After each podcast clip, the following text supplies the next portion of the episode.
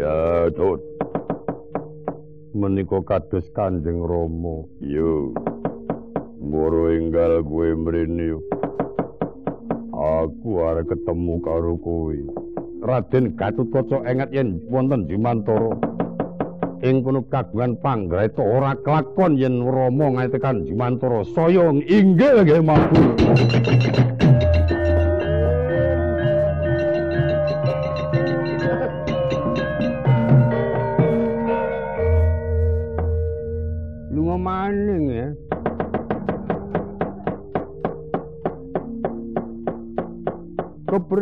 Kepriwe nyong iso ketemu ya? Woi, nek tak tutu dak lakon-lakon.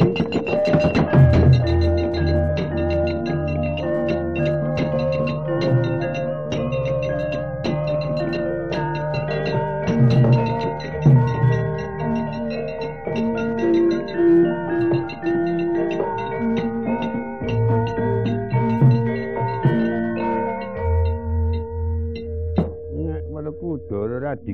diguguki ayake nek pindha warni Janaka. Mesti dhek eling Janaka ki mertuani. Nggih.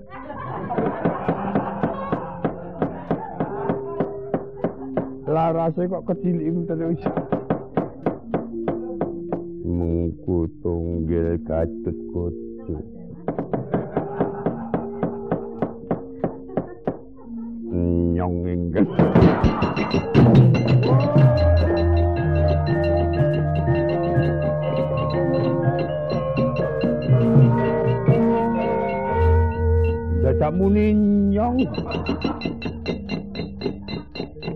Kepriwe piye? Nek tak tutu saya mendhuwur, ora iso ketemu gekoyo. Gila kok.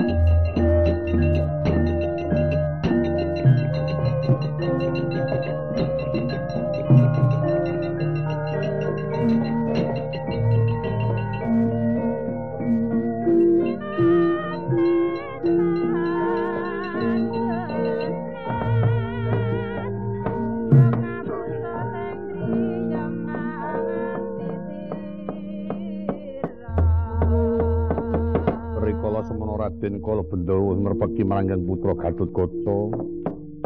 Arsa ngendika Pindawarni kang ibu Noyanayuh Jawata marangaken Raden Gatotkaca datan enget yen to puniki wonten ngakasa. Gegambaripun tatkala sowan ingkang ibu rikala semanten. Sawunya prisa lan mirengaken ngendikanipun kang ibu Sigra den perpeki kaget wis prisa ing paman Kala Bendana. Anakku lanang ngger Gatut Kota. Gatut Kota. Wonten paring pangandika, Bu. Kowe wis ora wedi ya ngger sing ati-ati. Rapetana wewadimu kang supaya aja nganti ketemu karo wong atuwamu Dipati Karna lan aja nganti kena banjur ke taman pusakane wong atuwamu ngawonggo. Iki Dene yen panjen kepengin bakal bisa luar sangka bebaya luput sangka senjata kunta. Tak srananane kowe mrene nggir Gatut Kota. Sendika, Bu.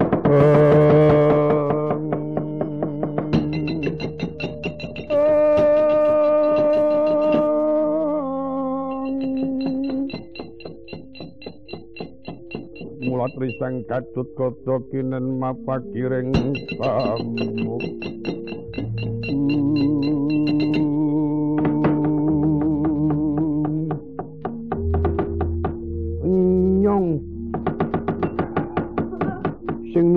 Nututi marang sila e. Aduh paman boten nginten yen panjenengan lau upami ngendika wau-wau temtonipun kula sampun tanggap sarmita. Kepiye perjanjianmu? Jaman semono aku tok padha le. Likolo jaman sepasare manten si Abimanyu karo Utari. Aku rak wis beling. Atut kaca nyong tunggu maring kayangan. Dadi ora pati-pati nampa swarga nek gak karo sira. Iya. Kula mboten badhe mingkuh. Sampun kula inget-inget. Malah upami to kepareng kula nderek paman rikala nembe kula pejahi. Gane wedam ning paman sampun pinanggi kalian kula sampun sak medanipun paman badhe nyarengi dhateng ingkang putra swan ngayunan. kula mboten badhe silat nyadak ngono. Anji wudelmu luka rageman Raden Gatotkaca wis madya ngersanipun kang paman kepareng munjuk aturipun Raden Gatotkaca paman kula badhe nderek kersanipun paman namung saking panunipun ingkang putra kula nyuwun bela dados saged dipun presani para sesepuh yen to gatut kaca mati nggawa kurban ora ming cukup mangewe. Lah iya iya. Engko tak kae belo wis. Wah, to aku iso bareng karo gatut kaca iki. Rikala semana senjata kunta Wasangka asta lumebu ana pusre Raden Gatotkaca pampan iku sejati rangkane senjata kanta. Noyanaya Baskara titi mangsa aluse Raden Gatotkaca. Renteng-renteng runtung-runtung sesarengan marang ingkang paman wis kepapak ingkang raya Bimanyu wonten ngadinganing pintu Slomanangkep. Saya wuh trenyuhipun Raden Gatotkaca. Pinanggi keng raya Bimanyu kawis gandeng asta marang ingkang rayi Siti Sendari. Uncating yitmo kang datan kagambaraken kota po gumlundunging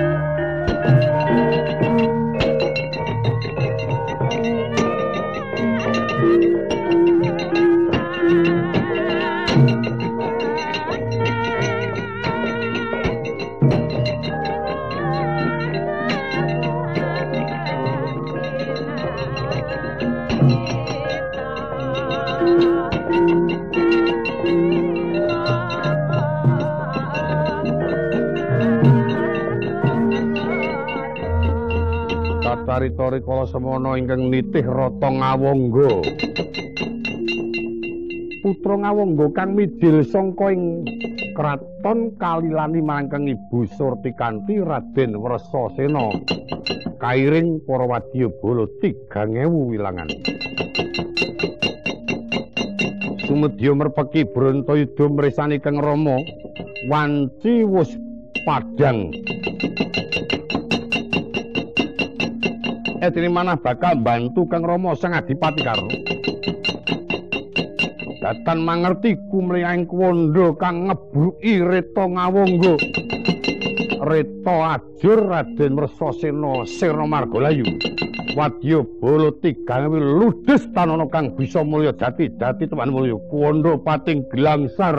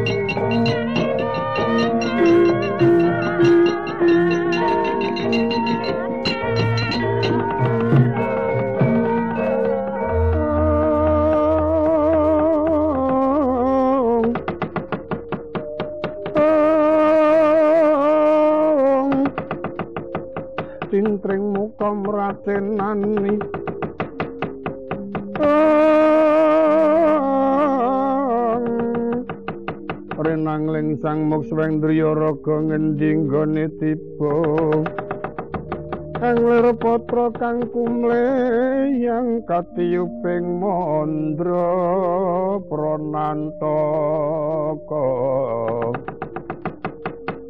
Apindo jatine skara.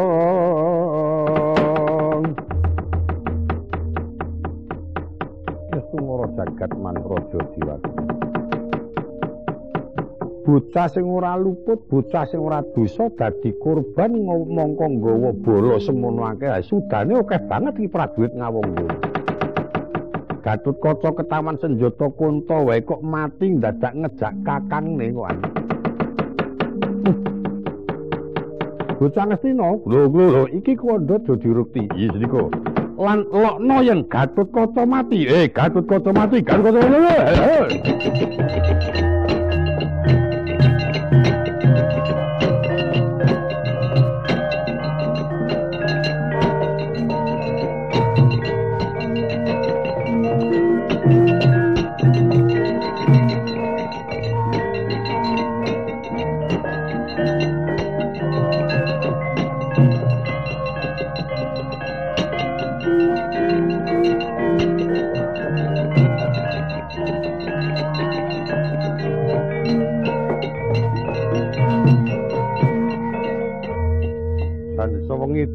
wae kula mboten turu tenan iki wae.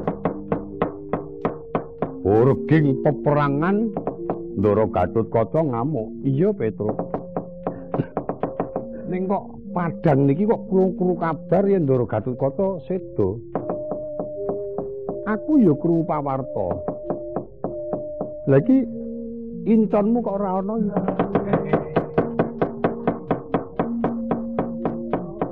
Amodar orang turu gong. Gong. Lo segamu gitu di di di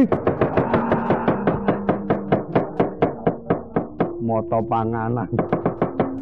Nek diloke segane yuk yuk yuk yuk yuk ngapusi. Gendera ngestina saya. Katon kumlebet mongko gendera pringgondani rubuh pekabaran Wadyabala Pringgondani mati bareng Gatotkaca. Wah, lah ora karo-karuan. Ah, cintaku e Gatotkaca. Yo, mati ya. Sing tak tresnani malah tak karu-karuan. Yes karepen mapan wis senopati sejatine kaya ngapa abote dadaku. Kaya ngapa nggonku ngampah sungkawaku. Nek kula ora iso ngampet iki. Aku ora iso ngampet iki tru. Ayo ngene. Arep ngentut kere ora urusane. Ngomong arep ngentut kok apa? Wong nang antemi kowe. Ngilani irungku Petro, nun. ku aja dikangilan matur Kang Master Kuduran, Gatut Kaca mati dipateni Kakang Dipati Kerna. Nggih,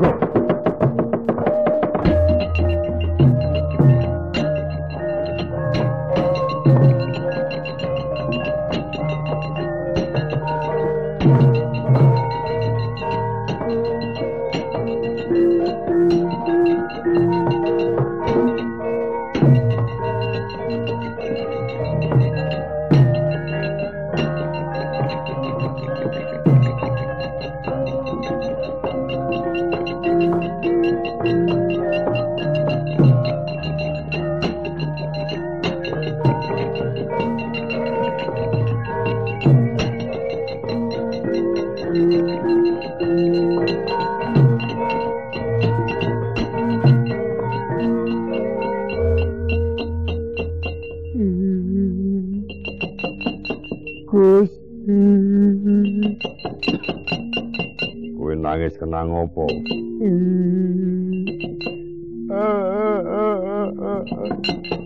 Kowe ditukane karo Dewadiku? Mboten. Ora dinehi dhuwit? Mboten. Ngele? Nggih. Kowe iki minggat kono, Gong. Kowe iki ngaliya kono duwer. Aku ge matur ora tekan kok malah nyelo-nyelo kowe iki ora. Kadang aku dhewe ya ora iso ngampet gek ngentut meneh.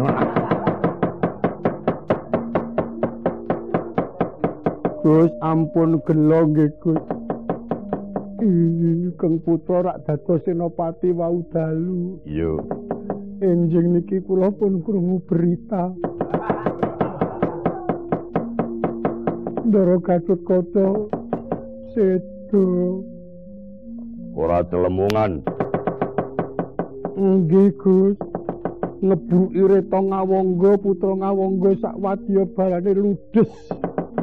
Monggo niki bareng karo Senopati dadi pringgondanipun pek perdulite rayimu.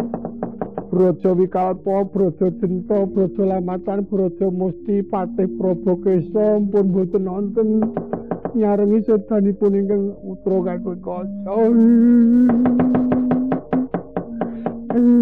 Gumun aku anak Petrus sing lenggak-lenggak mau urip meneh. Bandara Gatut Kaca pengkuwe kok ngono kok mati rak yo emane-man kok mau ijolana anakmu wae, Truk. Sing mateni Gatut sapa? Ingin ngerokok piyambak sinuwun ngawangga Karno kakangku ida-ida.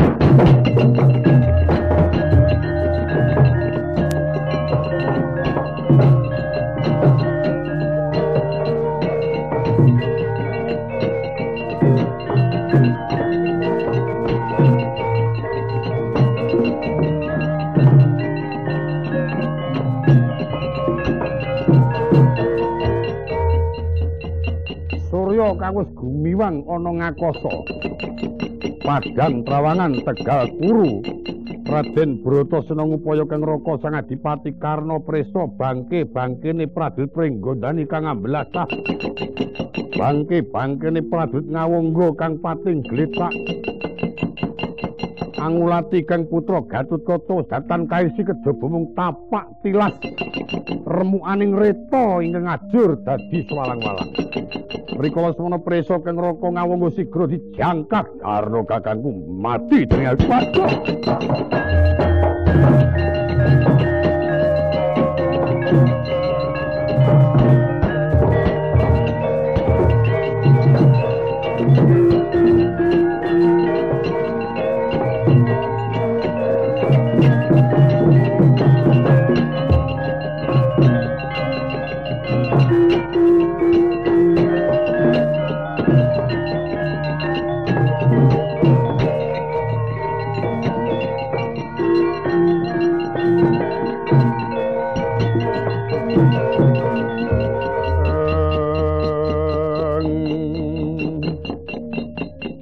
Babang sineng kang walikat walik sandang.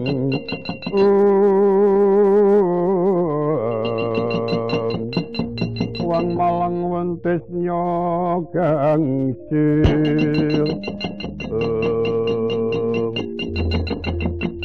Kotapa kang miling-miling onong tengahing wana ing pengangka bakal nyirnaken Raden Werkudara iku kadange Prabu Kartipeya kekasih Raden Permeo.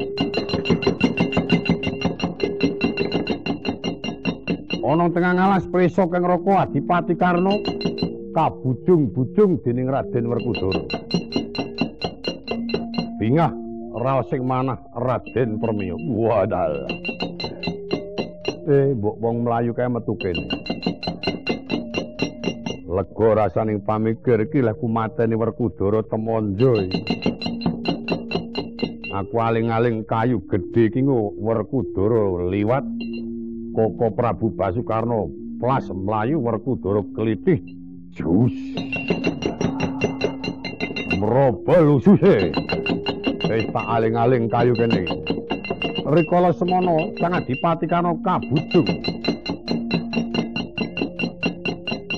kajangkah Raden Werkudara sangka pinter endane lepat usana Werkudara ndupak randualas kang gedhe limang pangku trangkul kinarya aling-aling marang Raden Permaya randualas rubuh ngebruki Permaya mati gepeng ana tengah alas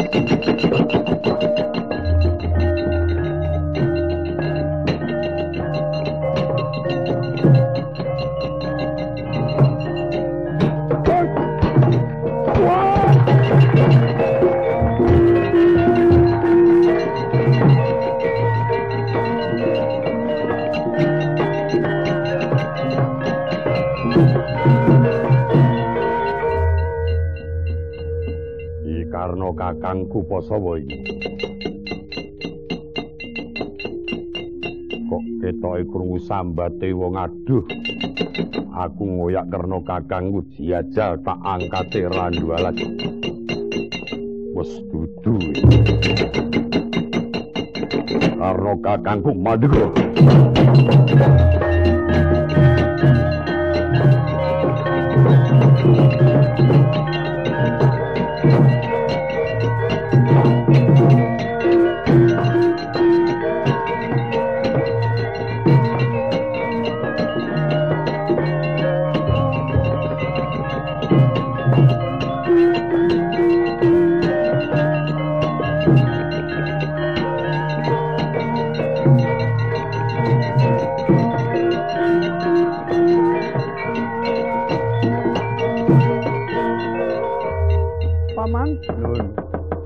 Badhe wangsul rumiyin wonten ngawangga ajrih, Paman. wonten apa nggih? Dipun bujung Dimas Werkudara. Kula saged mejahi Gatotkaca. Namung lajeng Werkudara badhe males nguditu lara wirang kaliyan kula. Sampun mapinten-pinten korban pejah dipun nyak-nyak Werkudara. Aduh, gitu. Yen mekaten nyumanggaken kula mangke mundhu atur dhateng Angger Prabu Jaka Pitana. Ingkang supados gantos senopati sanesipun angger dipati karon. Nyumanggaken paman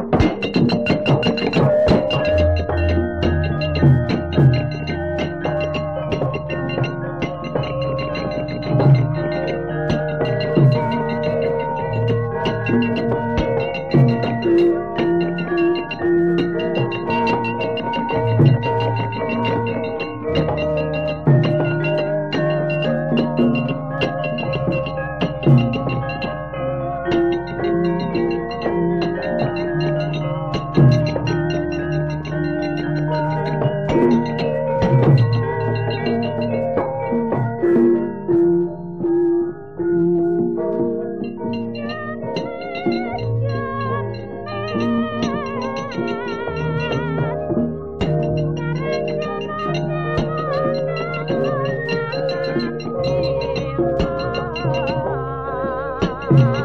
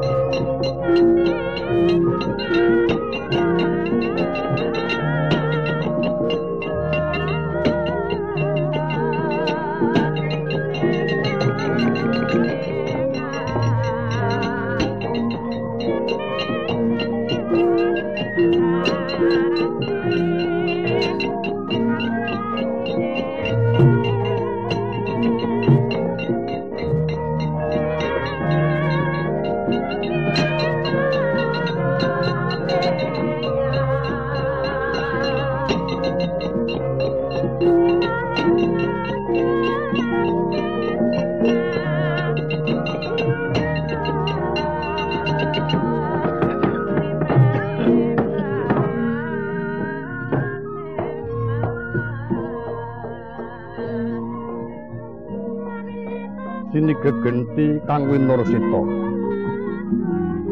Kocapo kang kinal sinambeting tarika ingkang pinuju lenggah wonten ing pakuwoning bulu pitu.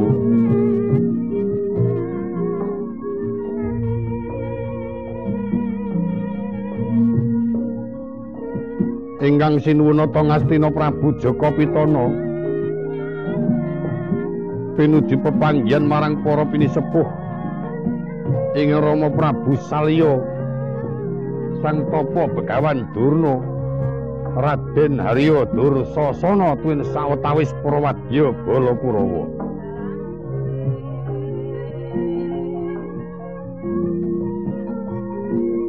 Rikala semanten. Presa ingkang paman Rekanapati Harya Sengkuni wis miyak pasigban konjuk wonten ngabiyantara. Sigra pinaryan sasmita kinen majeng lenggahipun Sang Nindya Mantri muka pangarsa.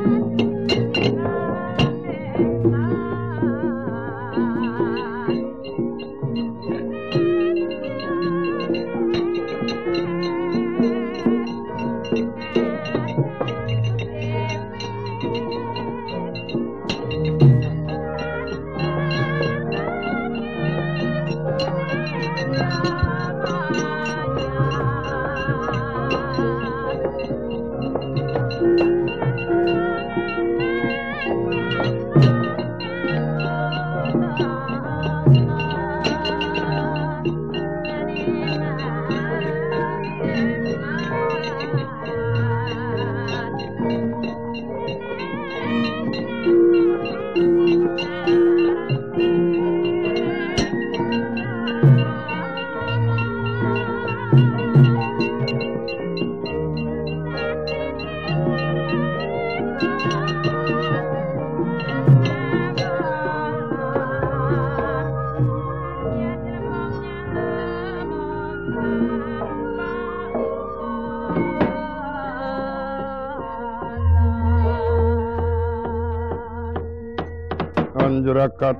leresang pospitorum katiyuping samirana amre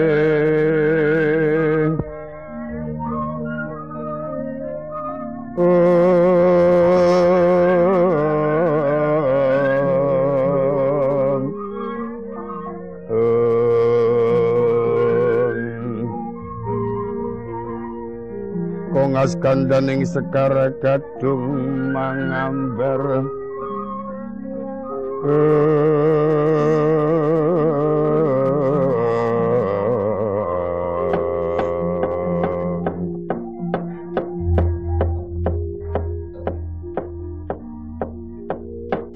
Romo Mondoroko. Nun kula nggih anak Prabu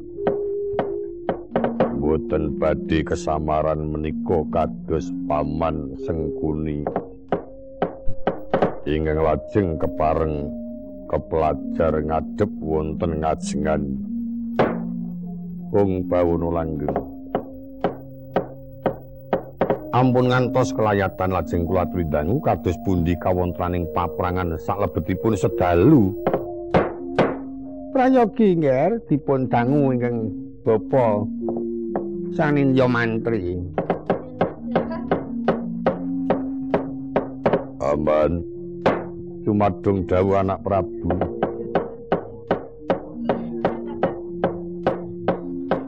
Kadiparan pawartos ingkang sampun dipun midhangetaken dumateng paman Sengkuni Tatkala Koko Prabu ing awangga jumeneng Senopati.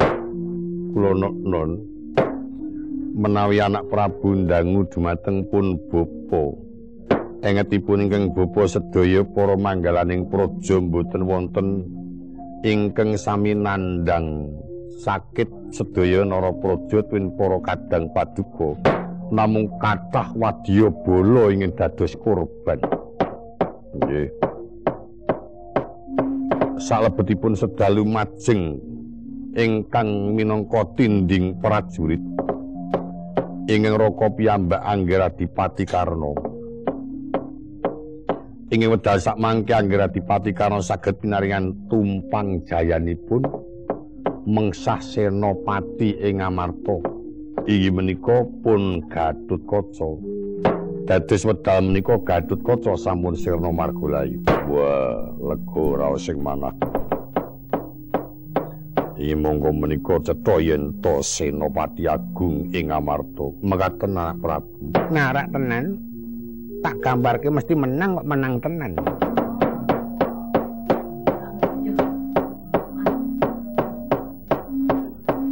Cocok kalian pemanggih kula nggih anak Prabu. Angger Adipati yen maju bengi iki mesti menang menang temenanan. Nggih. Namung ngaturaken kauningan salebetipun Anggeradipati karena saged merjaya Gatotkaca padukanipun ingkang rayi Raden Arya Werkudara imun saged kapenggak ngantos ingkang raka kabujung-bujung mlebet wonten jurang pinanggih dhateng ingkang bapa. Bilih badhe kundur wonten ngawangga mumpung tebih kalian Raden Werkudara. Menika mangki yen to mboten ninggal tata-tata semadya senopati. Kula kinten malah Werkudara ingkang badhe mlebet wonten ing mbulu pitu.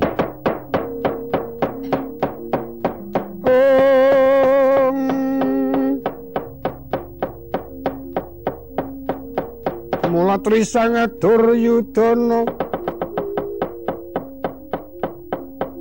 Sumangkeng ayudha mulat risang sena kang gumulung